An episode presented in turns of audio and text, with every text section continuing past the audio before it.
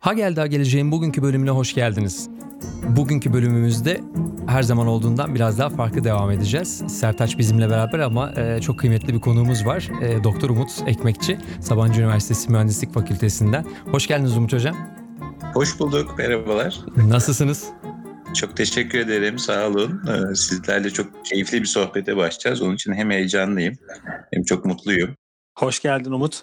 Şimdi bizim dinleyicilerimiz bizi tanıyor diyemiyorum.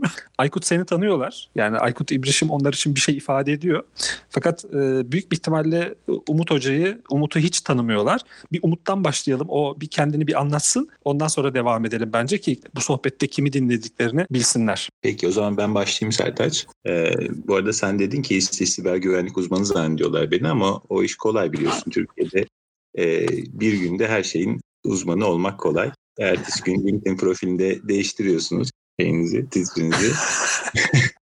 Yani de kart vizit bastırıyorsunuz 100 liraya. Dolayısıyla şey çok kolay. Ee, ünvan kazanmak çok kolay. Şimdi Doğru. bu işin şakası tabii. Ee, aslında bize ünvanlarımızı kazandıran şeyler de daha çok yaptıklarımız ve e, yarattığımız etki. E, eğer o etkiyi yaratabiliyorsak tabii ki e, dolayısıyla hepimiz için, içinde yaşadığımız topluluklara ve topluma karşı bir sorumluluğumuz var tabii. E, ve üretebildiğimiz bilgi kadar, üretebildiğimiz değer kadar, üretebildiğimiz etki kadar da o ünvanları kazanıyoruz. E, dolayısıyla ünvanlar aslında kurumlar tarafından verildiğinde değil de e, yaptıklarımızla elde ettiğimiz zaman daha kıymetli oluyor herhalde diye düşünüyorum. Ee, benim ünvanımda öğretim üyesi yazıyor. Ben Sabancı Üniversitesi'nde öğretim üyesiyim. 2001 yılından bu yana e, akademinin içindeyim aslında. E, işte kendi master çalışmam, doktora çalışmam, arada araştırma görevliyim. E, sonrasında İTÜ'de başlayan macera, işte yurt dışı farklı üniversiteler, sonra Türkiye, Türkiye'de Işık Üniversitesi, Sabancı Üniversitesi derken akademisyenlik işte bir 17-18 sene oldu diyebiliriz. E, bu süreçte e, benim uzmanlık alanım teknoloji ve inovasyon yönetimi oldu.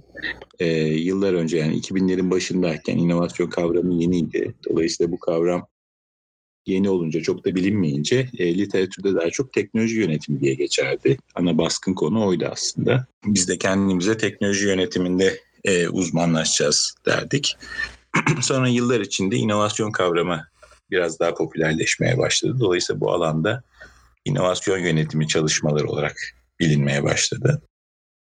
E, bir de tabii ilginçtir, e, master e, master'da e, katıldığım program Türkiye'de çok az sayıda mezun veren bir program. Çünkü çok uzun bir geleneği yok aslında. E, Bilim, Teknoloji ve Toplum isimli bir e, alandan master derecemi aldım. E, 2001 yılında İTÜ'de başlayan bir programdı. E, sonrasında aynı programın koordinatör yardımcılığını yaptım. E, ve ilerleyen yıllarda da e, benzer bir program Işık Üniversitesi'nde lisans düzeyinde açıldı. E, orada da e, öğretim üyesi olarak çalışma şansım oldu. E, doktor hocam da Profesör Hacer Ansal'dı. Buradan kendisini de anayım. Dolayısıyla bu çalışmaların Türkiye'deki çok öncü isimlerinden biridir. Ee, peki hali hazırda ne yapıyorum dersek işte üniversitede e, öğretim üyesiyim. E, inovasyon yönetimi, yaratıcı düşünce, e, girişimcilik gibi alanlarda çalışıyorum. E, asıl yaptığım şey de aslında kurumlarda e, kurumsal inovasyon sistemleri nasıl oluşturulur? İnovasyon çalışması bir sistem haline nasıl getirilebilir? Daha kurumsal hale nasıl getirilebilir?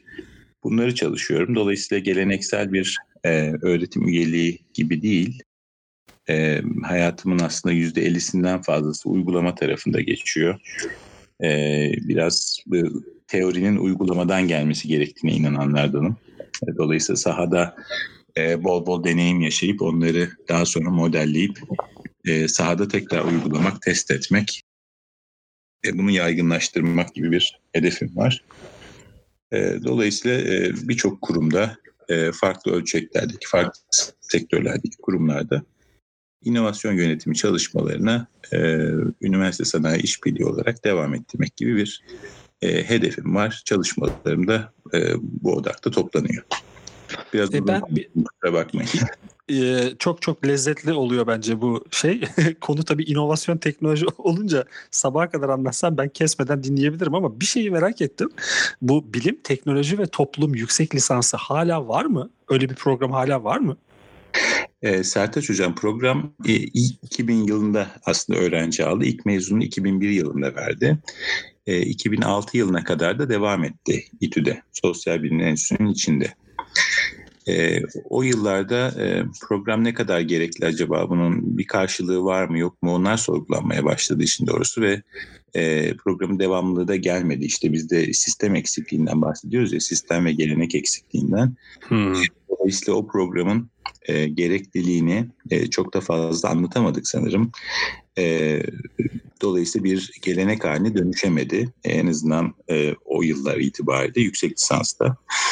E, öte yandan e, yine İTÜ'de e, yanlış hatırlamıyorsam e, insan toplum bilim çalışmaları gibi bir alan olabilir. E, o alanda çalışan öğretim üyelerinin oluşturduğu bir topluluk var ve verilen bir takım dersler var. E, bilim teknoloji toplumda o derslerden bir tanesi, havuz derslerinden bir tanesi. Çok da değerli hocalar var o, o, o e, kapsamda ders veren. Ama bir yüksek lisans programı olarak maalesef devamlı gelmedi. E, Hmm. ilerleyen yıllarında dediğim gibi Işık Üniversitesi'nde bu bir lisans programı olarak yine Hacer Hoca'nın önderliğinde e, başlatıldı. Ve lisans tarafında bundan mezunlar, e, önemli sayıda mezunlar verildi. E, o da çok öncü tabii yani Türkiye'de bunun sayısı da az aslında baktığınız zaman geleneği de kısa. Halbuki dünyada aslında e, bu alan e, oldukça e, iyi bilinen, e, uzun geçmişi olan bir alan. E, işin ilginç tarafı Türkiye'de başladığı zaman e, Avrupa Üniversiteler Birliği e, Bilim Teknoloji Toplum Çalışmaları diye bir e, birliğin üyesi olarak İTÜ bu çalışmaya başlamıştı. E, 17 üniversiteli bir network'ün parçasıydı. Hmm. E, master çalışmanızın bir kısmını Türkiye'de yapıyordunuz. Bir kısmını da uzmanlaşmak istediğiniz konuya göre bu 17 Avrupa Üniversitesi'nden birinde yapıyordunuz. E, yani o dönem mezun olan 50'ye yakın e, master öğrencisi aslında son derece donanımlı ve işte e, bilimin ve teknolojinin sosyoloji tarafını, tarih tarafını, felsefesini, e, politik tartışmaları e, son derece özümsemiş olarak e, mezun oldular. E, ama sonrasında bu bilgiyi ne kadar kullanabildiler, bu bilgiyi ne kadar türetebildiler, bunun ne kadar karşılığı olabildi e, o apayrı bir araştırma konusu aslında.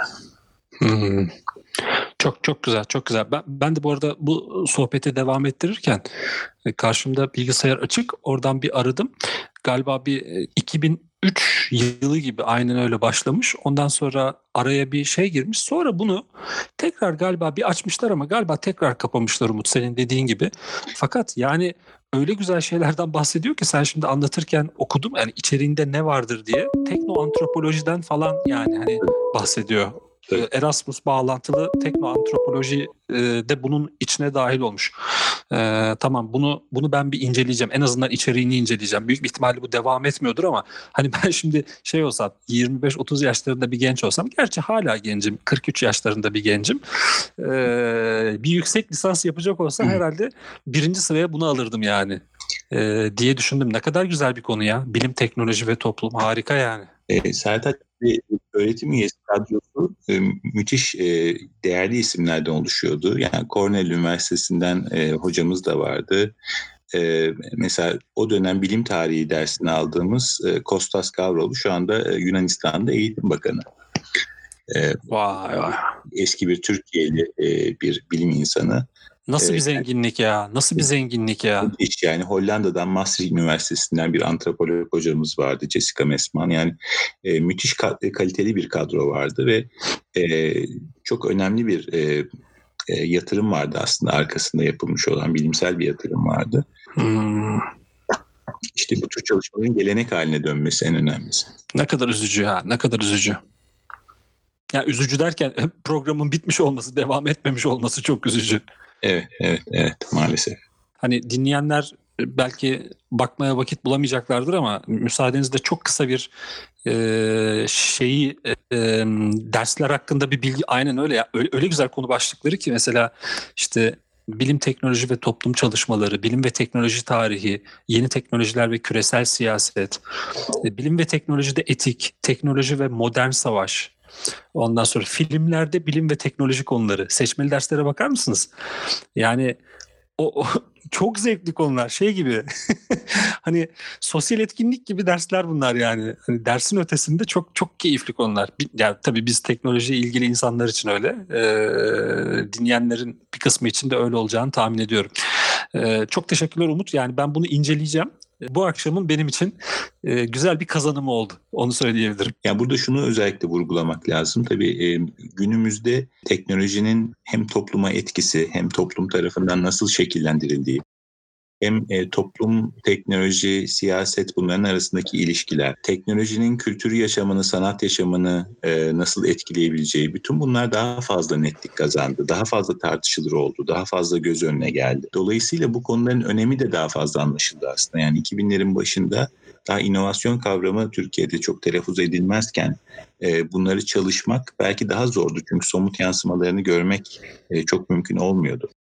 Ee, ama şu anda özellikle dünyadaki farklı hareketler, farklı projeler, bütün bu kavramların ne kadar iç içe geçtiğini gösteriyor. Ee, teknolojiyi artık sadece teknik bir dille tartışamıyoruz. Teknolojiyi mutlaka sosyoloji bakış açısından, e, mutlaka insan psikolojisiyle ilişkilendirerek, politikayla ilişkilendirerek okumamız gerekiyor. Dolayısıyla bu bilim teknoloji okur yazarlığı da diyebiliriz buna. Bu aslında e, belki de bütün e, lise müfredatında olması gereken bir perspektif diye düşünüyorum. Evet, çok teşekkürler. Çok çok güzel bir katkı oldu. Bu arada şimdi hazır şeye girmişken tabii teknoloji, inovasyon geçtiğimiz hafta paylaşılan e, önemli bir istatistik var. Belki onun üzerine de konuşmak istersiniz. Hepimizin ilgi alanı çünkü. Size bahsettiğim rapor e, Startups Watch tarafından yayınlandı. Zaten Türkiye'de girişimleri bu kadar düzenli, bu kadar sistemli tarayan, e, kim kimden yatırım almış, e, orada nasıl bir girişim çıkmış, kim exit yapmış, gibi konuları e, sistemli bir şekilde böyle 3 ayda bir, 6 ayda bir, senede bir raporlayan benim bildiğim kadarıyla zaten tek yapı. Fakat üzücü bir istatistik ortaya çıkan. Türkiye'de 2018 yılında yapılan girişimlere yani teknoloji girişimlerine, startuplara yapılan yatırımın 59 küsur yaklaşık 60 milyon dolar olduğu açıklandı. Bu da bir seneki önce bir önceki seneyle karşılaştırıldığında yaklaşık yarı yarıya e, bir düşüş anlamına geliyor. Yani işte bütün dünya bu konuya daha fazla kafa yorarken, daha fazla kaynak aktarırken, daha fazla insan e, kaynağı, daha fazla maddi kaynak aktarırken Türkiye'de bunun bu şekilde e, geriye doğru gitmesi üzücü. Şüphesiz bunda Türkiye'nin işte son 6 aydır 7 aydır ya da işte son bir senedir yaşadığı ekonomik zorluklar da var. Ona kriz demiyoruz. Kriz dememeyi öğrendik ona. ona kriz denmeyecekmiş. Onu onu biliyoruz. Bazı zorluklar, bazı dalgalanmalar sebebiyle e, bunun bir miktar geriye gitmiş olmasına katkısı olduğunu tahmin ediyoruz ama bütün her şeyi yan yana koyduğunuz zaman işte Amerika'da yaşayan her kişi başına 2018'de yapılan yatırım tutarı yani teknoloji girişimlerine yapılan yatırım tutarı 350 dolar seviyesinde. İşte İsrail'de bu 310-320 e, dolarlar seviyesinde hatta belki biraz daha yüksek. İşte Almanya'ya, İngiltere'ye, Kanada'ya, Japonya'ya falan baktığınızda böyle 150-200 dolarlar seviyesinde. İşte batmak üzere dediğimiz İtalya, Portekiz, İspanya gibi ülkelerde böyle işte 8-10 dolar, 10-15 dolar seviyesinde yaşayan her kişi başına yapılan yatırım. Türkiye için e, tahmininizi alayım demeyeceğim. Biliyorsunuz o istatistiği ama ben söyleyeyim. Türkiye'de 0.7 dolar. E, yani Amerika ile bizi karşılaştırdığımız zaman yaşayan nüfusta yaşayan her kişi başına yapılan yatırımı arada bin katlık bir fark var. Çok kabaca söylüyorum. E, hele hele nüfuslarla da bunları çarptığınız zaman Amerika'da yaşayan yaklaşık 200 milyon kişi, Türkiye'de yaklaşık 800 milyon, e, 80 milyon kişi düzeltiyorum. Arada o kadar büyük bir uçurum var ki hani e, bu uçurumu, bu arayı kapatmak çok kolay gözükmüyor. Ben bunu böyle ortaya bir bırakayım. Ee, Umut istersen önce sana vereyim konuyu. Çünkü sen yıllardır hem akademik tarafta hem e, endüstriyle işbirliği alanında hem sahadasın hem üniversitedesin. Bu işlerin çok içindesin. Bu konuyu sana bir bırakayım. Üzerine de Aykut'un oradan yorumlarıyla devam ederiz isterseniz. E, tabii yani e, beraber tartışalım ama şimdi e, e, benim gördüğüm önemli bir detay var. Şimdi inovasyon ve girişimcilik konularını düşündüğümüz zaman biz inovasyonu çok e, e, tamamen ya teknoloji odaklı düşünüyoruz. Girişimciliği de işte tamamen ekonomi odaklı düşünüyoruz ama atladığımız bir şey var aslında. Hep ikisinin de ortak noktası kültür. E, yani şirket içindeki inovasyon çalışmaları da, şirketlerin içindeki girişimcilik çalışmaları da ya da e, kurumlardan bağımsız startuplarda e, aslında belli bir kültürel e, ekosistemin parçaları. E, ve siz o kültürden bağımsız olarak hareket etmiyorsunuz. Yani e, bir kurumda inovasyon çalışması yapmaya çalışırken o kurumu oluşturan bireylerin ya da o kurumun içinde olduğu ekosistemin kültürü sizi etkiliyor. Aynı şekilde girişimciler için de öyle. E, girişimciler de eğer bu dünyada faaliyet göstermeye çalışıyorlarsa Türkiye'nin ekosisteminde dolayısıyla Türkiye'nin kültüründen bağımsız değiller. E, kültür dediğimiz zaman işte e, e, inovasyon kültürü ya da girişimcilik kültürü aslında apayrı bir e, ayrı tanımlanması gereken e, bir kavram. E, ve bu kavram bir, bir takım gereklilikleri var. Yani bir girişimcilik kültüründen bahsediyorsak e, bunlardan bir tanesi e, mesela e, risk alma iştahı, risk açlığı, e, buna cesaret gösterebilmek e, ya da uzun dönemli düşünebilmek, e, daha yenilikçi düşünebilmek, daha fazla merak etmek, e, daha fazla araştırma yapmak. E, bütün bunlar da o kültürün yansımaları ve gereksinimleri. Dolayısıyla Türkiye ekosistemini okurken, mali tabloları da yorumlarken ben biraz bu açıdan bakıyorum. Türkiye en nihayetinde aslında teknoloji odaklı girişimciliği ya da daha yeni nesil girişimcilik dediğimiz girişimciliği yeni öğrenmeye çalışıyor. E, bundan e, çok kısa zaman önceye kadar aslında girişimcilik dediğimiz zaman e, çok kısa yoldan para kazanmak, işte başkasının yaptığı iyi bir iş fikrini alıp e, kopyalamak, adapte etmek, e, e, ya da işte bir takım popüler örnekler gibi işte Acun Ilıcalı gibi e, bir takım uluslararası başarıları gelip Türkiye'ye getirip bundan kısa yoldan para kazanıp e, işte servet sahibi olmak. Bu tür şeyler algılanıyordu aslında. E, ama e, son yıllarda biz artık e, teknoloji üreten girişimciliği de konuşmaya ve e, bunu öğrenmeye çalışmaya başladık. Dolayısıyla teknoloji tabanlı ve katma değeri daha yüksek girişimciliği hedefliyoruz. Ee, öte yandan bu da bir kültürün parçası. Yani bunu öğrenmeye çalışmak da kültürel bir yolculuğun parçası. Ee, burada destek olması gereken bir takım aktörler, işte melek yatırımcılar, e, risk sermayedarları, onların bu işi öğrenmesi de e, keza bir kültürel yolculuk. Bugün aslında girişimlerin de birçoğu hala ya şöyle bir fikir var yapalım sonra da exit edelim gibi hareket ediyor. Yani içerisinde bazı girişimleri ayrı tutuyorum. Dünya çapında örnekler çıkmaya başladı. Ama sanki hala algı ya buluruz bir fikir e, biz buradan yürürüz satarız birine paramızı alır çıkarız gibi geliyor bana işin büyük kısmında. Siz nasıl görüyorsunuz? Girişimci boyutunda e, ayrıca düşünmek lazım. Yatırımcı boyutunda ayrıca düşünmek lazım. Yani girişimci boyutunda e, dediğin gibi bir kere e, teknoloji bir e, teknoloji odaklı bir girişimcilikten bahsediyorsak e, burada derinlemesine bir teknoloji bilgisinden ve yetkinliğinden bahsetmek durumundayız. Çünkü girişimci şu demek, siz girişimciyseniz aslında dünyanın neredeyse her yerinde e, şu anda sizin rakipleriniz var. Onlar zaten çalışıyorlar. E, aynen sizin gibi uğraşıyorlar, bilgi biriktirmeye çalışıyorlar. Ve bu yarışın içinde e, teknolojik bilgisi e, en derin olan, aynı zamanda da bunu kullanıcı, en kullanıcı dostu şekilde hayata geçiren e, ve en iyi anlatan bu yarışı kazanıyor. E, dolayısıyla bir ye, e, derinliğe de ihtiyacınız var. Yani bizdeki e, skill set'e baktığınız zaman, e, yetenek setine e, ve teknolojik yetkinliklere baktığınız zaman e, burada daha fazla derinleşmeye ihtiyacımız var. Bu kesin ve bu kolay olan bir şey değil. Yani yıllar alan bir konu. Yıllarca o uzmanlığı biriktirmek gerekiyor. Ee, tabii ki bir problem yakalayıp o probleme göre bu teknolojiyi kullanmak gerekiyor. Son derece önemli bir aşaması. Ee, ama yine de ben teknoloji bilgisinin burada e, kritik olduğunu düşünüyorum. Ee, bir teknolojide derinlemesine uzmanlık kazanmak. E, Türkiye'de bu konu çünkü teknoloji ve bilime çok fazla aslında popüler bir ide olduğunu düşünmüyorum işin doğrusu. Bu eğitim sisteminden, aile kültüründen vesaire de kaynaklanıyor. E, daha ticaret odaklı bir ekonomi olmamızdan da kaynaklanıyor. E, ama şöyle bir kendi öğrencilerim açısından baktığım zaman e, teknoloji üretmek, işte üretim yapmak e, ya da bilimsel araştırma alanında çalışmak çok da cool olan, çok da popüler olan kavramlar değil. Son zamanda özellikle işte inovasyon, girişimcilik, kolaboratif üretim kavramları yayıldıkça sanki biraz e, özellikle genç nesilde o algı biraz değişmeye başladı. Birlikte bir şeyler üretmeye çalışıyorlar, sorgulamaya başladılar. Sanki başkalarından beklemeden bir şeyler yapmaya çalışıyorlar gibi. Özellikle kol- kolaboratif üretim alanları için konuşuyorum ki sizin de e, benzer bir çalışmanız var. E, doğru. Yani orada olumlu bir trend şu. E, artık gençler kendi kaderlerini kendileri belirlemek istiyorlar.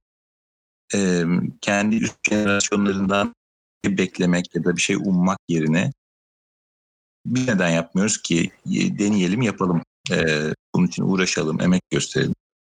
O noktada olan birçok genç öğrenciyi tanıyorum. Çok genç arkadaşı, genç mezunu tanıyorum.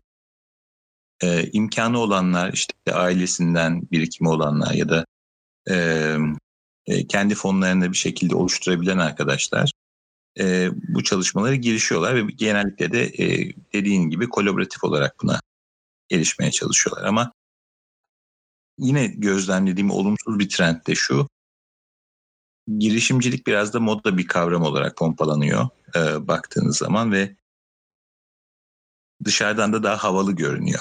İşte kendi startup'ımı kurdum, işte onun CEO'suyum diye etrafta kart dağıtmak. tek, tek kişilik.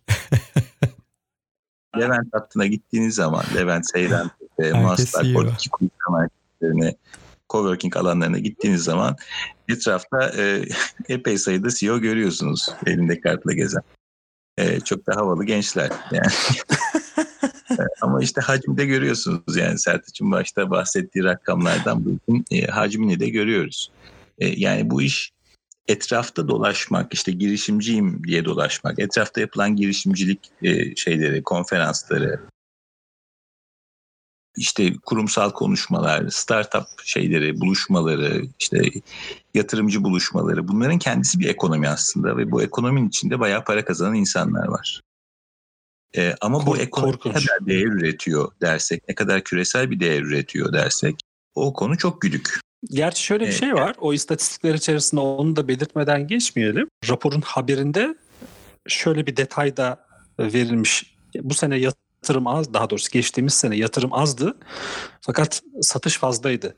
Yani işte Trendyol'un değerini hazırlatmak gerekirse %82'si 780 milyon dolara satıldı e, Alibaba'ya. Yani çok çok kabaca, çok kabaca söylemek gerekirse Türkiye'nin ilk unicorn oldu aslında baktığınızda. Yani unicorn'a yakındır en azından şu anda. İşte bir sene geçti üzerinden. Şu anda herhalde 1 milyar doları geçmiştir değeri. Öyle olduğunu tahmin ediyoruz. Aynı şekilde Opsgenie işte 3 300 milyon dolar yakını yaklaşık işte 290 küsür milyon dolara satıldı. Hatırlarsınız yine son zamanların popüler haberi Gram Games 250 milyon dolara satıldı. Yani satış tutarlarının toplamı 1.5 1.5 milyar dolara falan şey oldu yaklaştı. Yani exit tarafında yine de böyle bir hafif böyle bir yüzümüzü güldüren bir şey olmadı değil. Ama yatırım tarafı gerçekten tam bir felaket. Yani onu dedim geçen gün işte LinkedIn bizim en sık kullandığımız mecralardan biri. Hani espriyle karışık şeylere harcadığımız parayı, birbirimizle buluşacağımız etkinliklere, konferanslara, ona buna harcayacağımız parayı yatırımlara yatırsak 60 milyon doları ikiye katlardık falan dedim yani hani. hani öyle büyük bir endüstri var ki orada yani şaka gibi toplanıyoruz, toplanıyoruz, toplanıyoruz. Fakat ortaya çıkan bir şey yok. Yani üzücü gerçekten ya. Evet. Yani ama ben hala aynı şeyi savunuyorum. Yani e, bizde e, bilgi derinliği, yetkinlik derinliği çok kritik. E, işte araştırma yapmayı bilmek. Mesela işte bugün e, kurumsal ARGE merkezlerine e, bir eğitim verdim. Yine ARGE çalışanlarına, ARGE yöneticilerine. E, yani bilimsel makale taramak, bilimsel bir veri tabanına üye olmak, patent taraması yapmak, bunları periyodik olarak yapmak, bunlardan faydalanmak, o bilginin üzerine bir şey eklemeye çalışmak. Bunlar ARGE merkezlerinde yani kurumsal ARGE merkezlerinde bile e, yeni kazanılmaya çalışılan yetkinlikler. E, çünkü maalesef üniversitelerde ve bu yetkinliklerle çok donanımlı olarak e, mezun etmiyoruz bir şekilde öğrencilerimize. E, yani sistemin birçok yerinde aslında bir takım e, zayıflıklar var. Ve o zayıflıklarda bence e, en e, kritik sonuçta, en negatif sonuçta e, bu yetenek setinin zayıf olması oluyor. E, dolayısıyla biz mesela işte yatırımcı arayan girişimcilerin toplantılarına, sunumlarına katıldığım zaman bazen jüri olarak katılıyorum, bazen gözlemci olarak katılıyorum. E, yapılan araştırmaların ya da projelerin de e, genellikle yüzeysel kaldığını görüyorsunuz. E, işte çok ihtiyaç odaklı başlamıyor, rakip analizini iyi yapmıyor, patent analizini iyi yapmıyor. Genel araştırmada çok derinleşmemiş, teknik yapılabilirlik konusunda çok derinleşmemiş. E, onun sebebi ne diye baktığınız zaman çünkü araştırma teknikleri, araştırma yetkinlikleri konusunda zayıf. E, dolayısıyla bir girişim ya da bir inovasyon süreci aslında araştırma, analiz, karar aşamalarında oluşuyor. Yani siz araştırmada veri topluyorsunuz, onu e, çepeçevre analiz ediyorsunuz derinlemesine. Sonra da buradan bir stratejik bir karar alıyorsunuz. Aslında bütün fazlar böyle yani problemi tanımlamak da böyle, süreci çözümü tanımlamak da böyle. O çözümü geliştirmek, olgunlaştırmak, hayata geçirmek de böyle. Araştırma, analiz, karar. Şimdi biz bu üçüne dair yetenek setini kuvvetlendirmemiz lazım. Ee, oralarda eksik olduğumuzu düşünüyorum. Çünkü yatırımcılar da baktığınız zaman karşısına yer çok olgun, e, çok iyi araştırılmış, pazar fırsatını çok iyi ortaya koyan bir e, dosya gelse e, birçok yatırımcının birbiriyle yarışacağını düşünüyorum ben para ayırmak konusunda. Yani bu kadar da vizyondan tamamen uzak bir girişimci kitlemiz de yok aslında. Hatta birçok kurumsal firma bile buna destek olmak isteyebilir. Bu tür girişimlerin yatırımcısı olmak isteyebilir.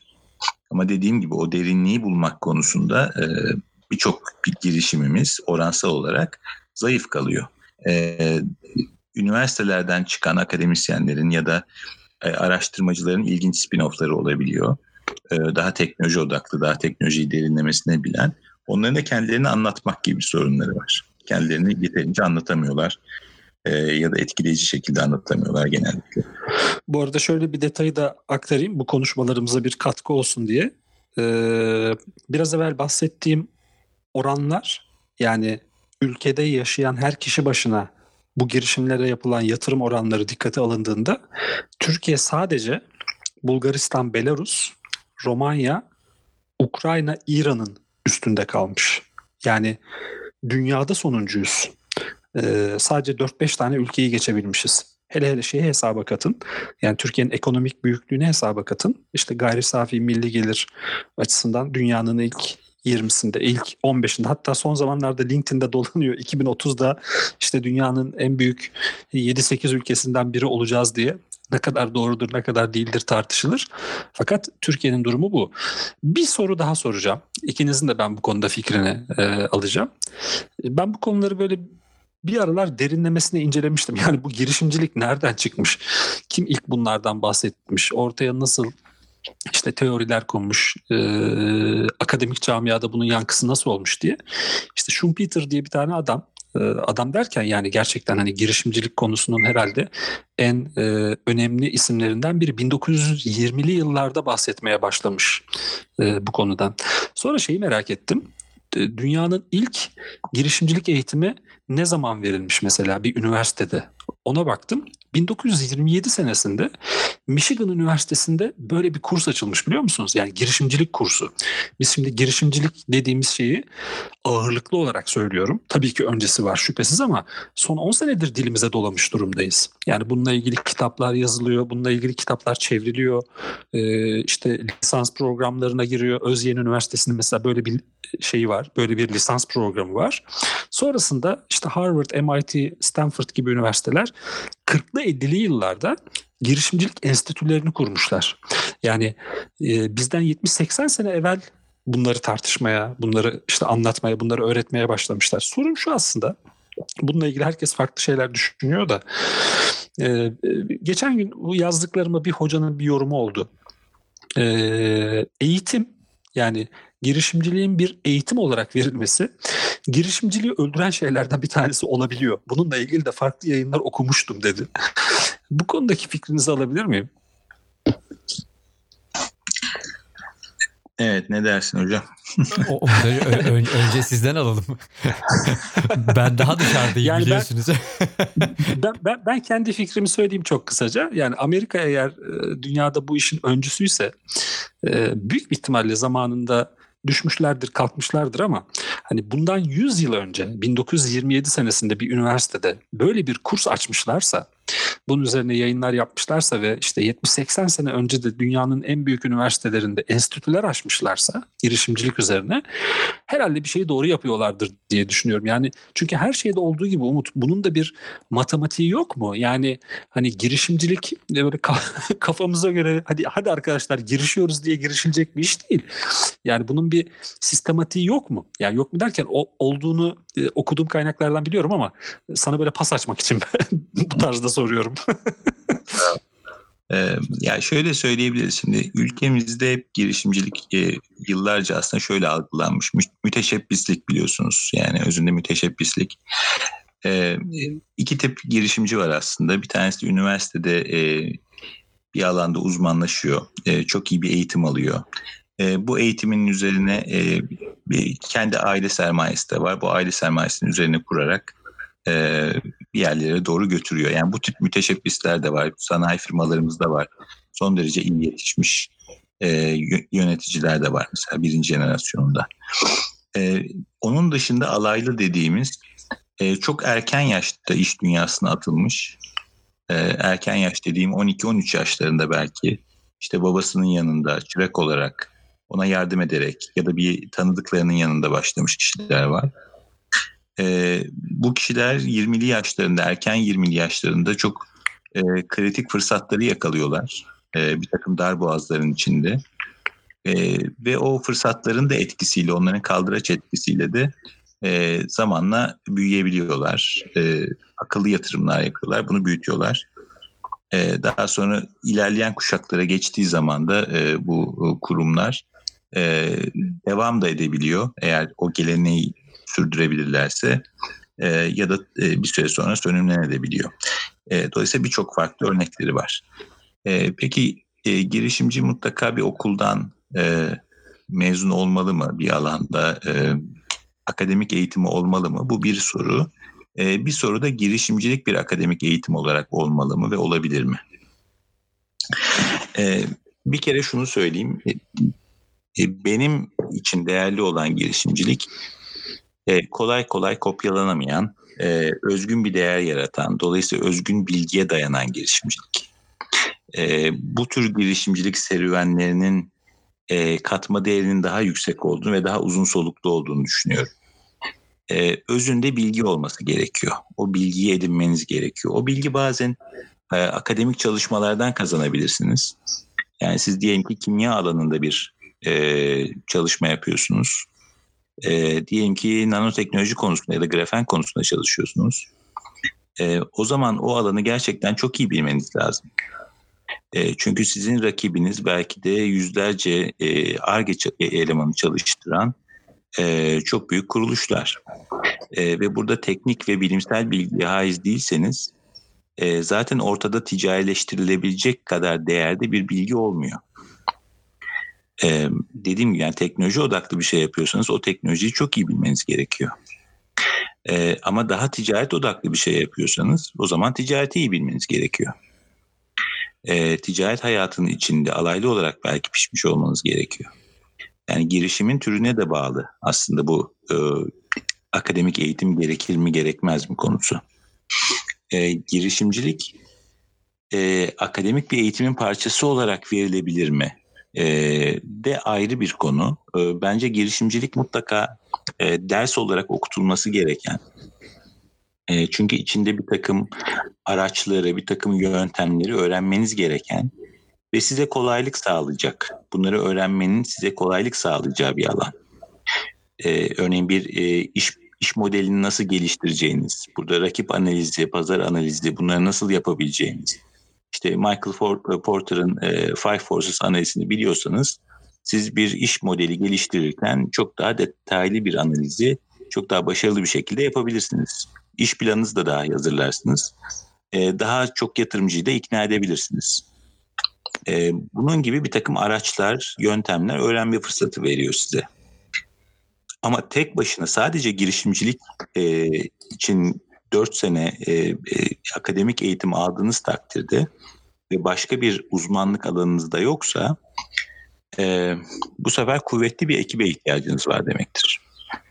Yani farklı konularda uzmanlığı olan e, ve sizi teknik olarak da destekleyecek, teknolojik olarak da destekleyecek e, iyi bir ekibe ihtiyacınız var demektir. O ekipte çok değer katan birisi haline gelebilirsiniz. Çünkü siz e, girişimcilikle ilgili birçok vakayı incelemişsiniz, birçok süreci incelemişsiniz, birçok aracı öğrenmişsiniz demektir. Yani burada da değer katma yeriniz var. E, ama dediğim gibi her başarılı girişimci mutlaka girişimcilik eğitimi almıştır, almalıdır e, gibi bir şey yok. En azından bu böyle dört yıllık bir lisans bölümü olarak olmak zorunda değil bence. E, ama belli kritik yetenekleri kazanmak üzere girişimciliğin bir takım konularında eğitim almak e, mutlaka son derece faydalı. E, ama yine de toparlamam gerekirse en kritik bilgi ne derseniz en kritik bilgi hangi alanda faaliyet gösterecekse o girişimciye e, o alanın bilgisinde derinlemesine e, çok sağlam bir bilgisinin olması. E, o alan bir e, bilgisayar oyunu geliştirmekse o zaman oyun sektörü konusunda, oyun teknolojileri konusunda, kullanıcı davranışları konusunda, kullanıcı beklentileri konusunda çok derinlemesine bir bilgiye sahip olması gerekiyor. E, onun belki girişimcilik bilgisi e, bir sonraki aşama. E, belki yaparken de bir kısmını öğrenecek. Belki katılacağı bir takım işte eğitimlerle, sertifika programlarıyla belki o bilgiyi edinecek. Ee, ama en önemlisi alan bilgisinde çok derinlemesine bilgiye sahip olması diye düşünüyorum. Süper, çok çok güzel katkı. O zaman e, herkese güzel günler diliyoruz. Çok keyifli Sağ olun. Sağ olun. E, kapatmadan evvel hemen şunu tekrar hatırlatayım. Podcast yayıncılığı ile ilgili bilgiler almak isteyen, bu konuyla ilgili ilgilenen profesyonel hayatın içinde insanlar varsa podyolab.com'u ziyaret edebilirler. E, burada podcast yayıncılığı ile ilgili teknik bilgiler ve yönlendirmeler paylaşıyoruz. Orayı takip etsinler. Eğer bu bölümde konuştuğumuz konularla ilgili ya da bundan evvel konuştuğumuz konularla ilgili Sertaç'a ya da bana sorularınız varsa Sertaç'a Twitter'dan, LinkedIn'dan ve diğer kanallardan bana da aynı şekilde bu kanallardan ulaşabilirsiniz. Ya da ha geldi geleceği e, internette mention edebilirsiniz. Lütfen bize ulaşın. Konuşmamızı istediğimiz konularınız varsa onları da lütfen bizimle paylaşın. Üzerine konuşalım, tartışalım. Bizimle için teşekkür ediyoruz diyoruz. Neyse ben anca giderim bu hızdan artık. Hadi güle güle Mustafa. Beni ışınla ışınla enerjiyle.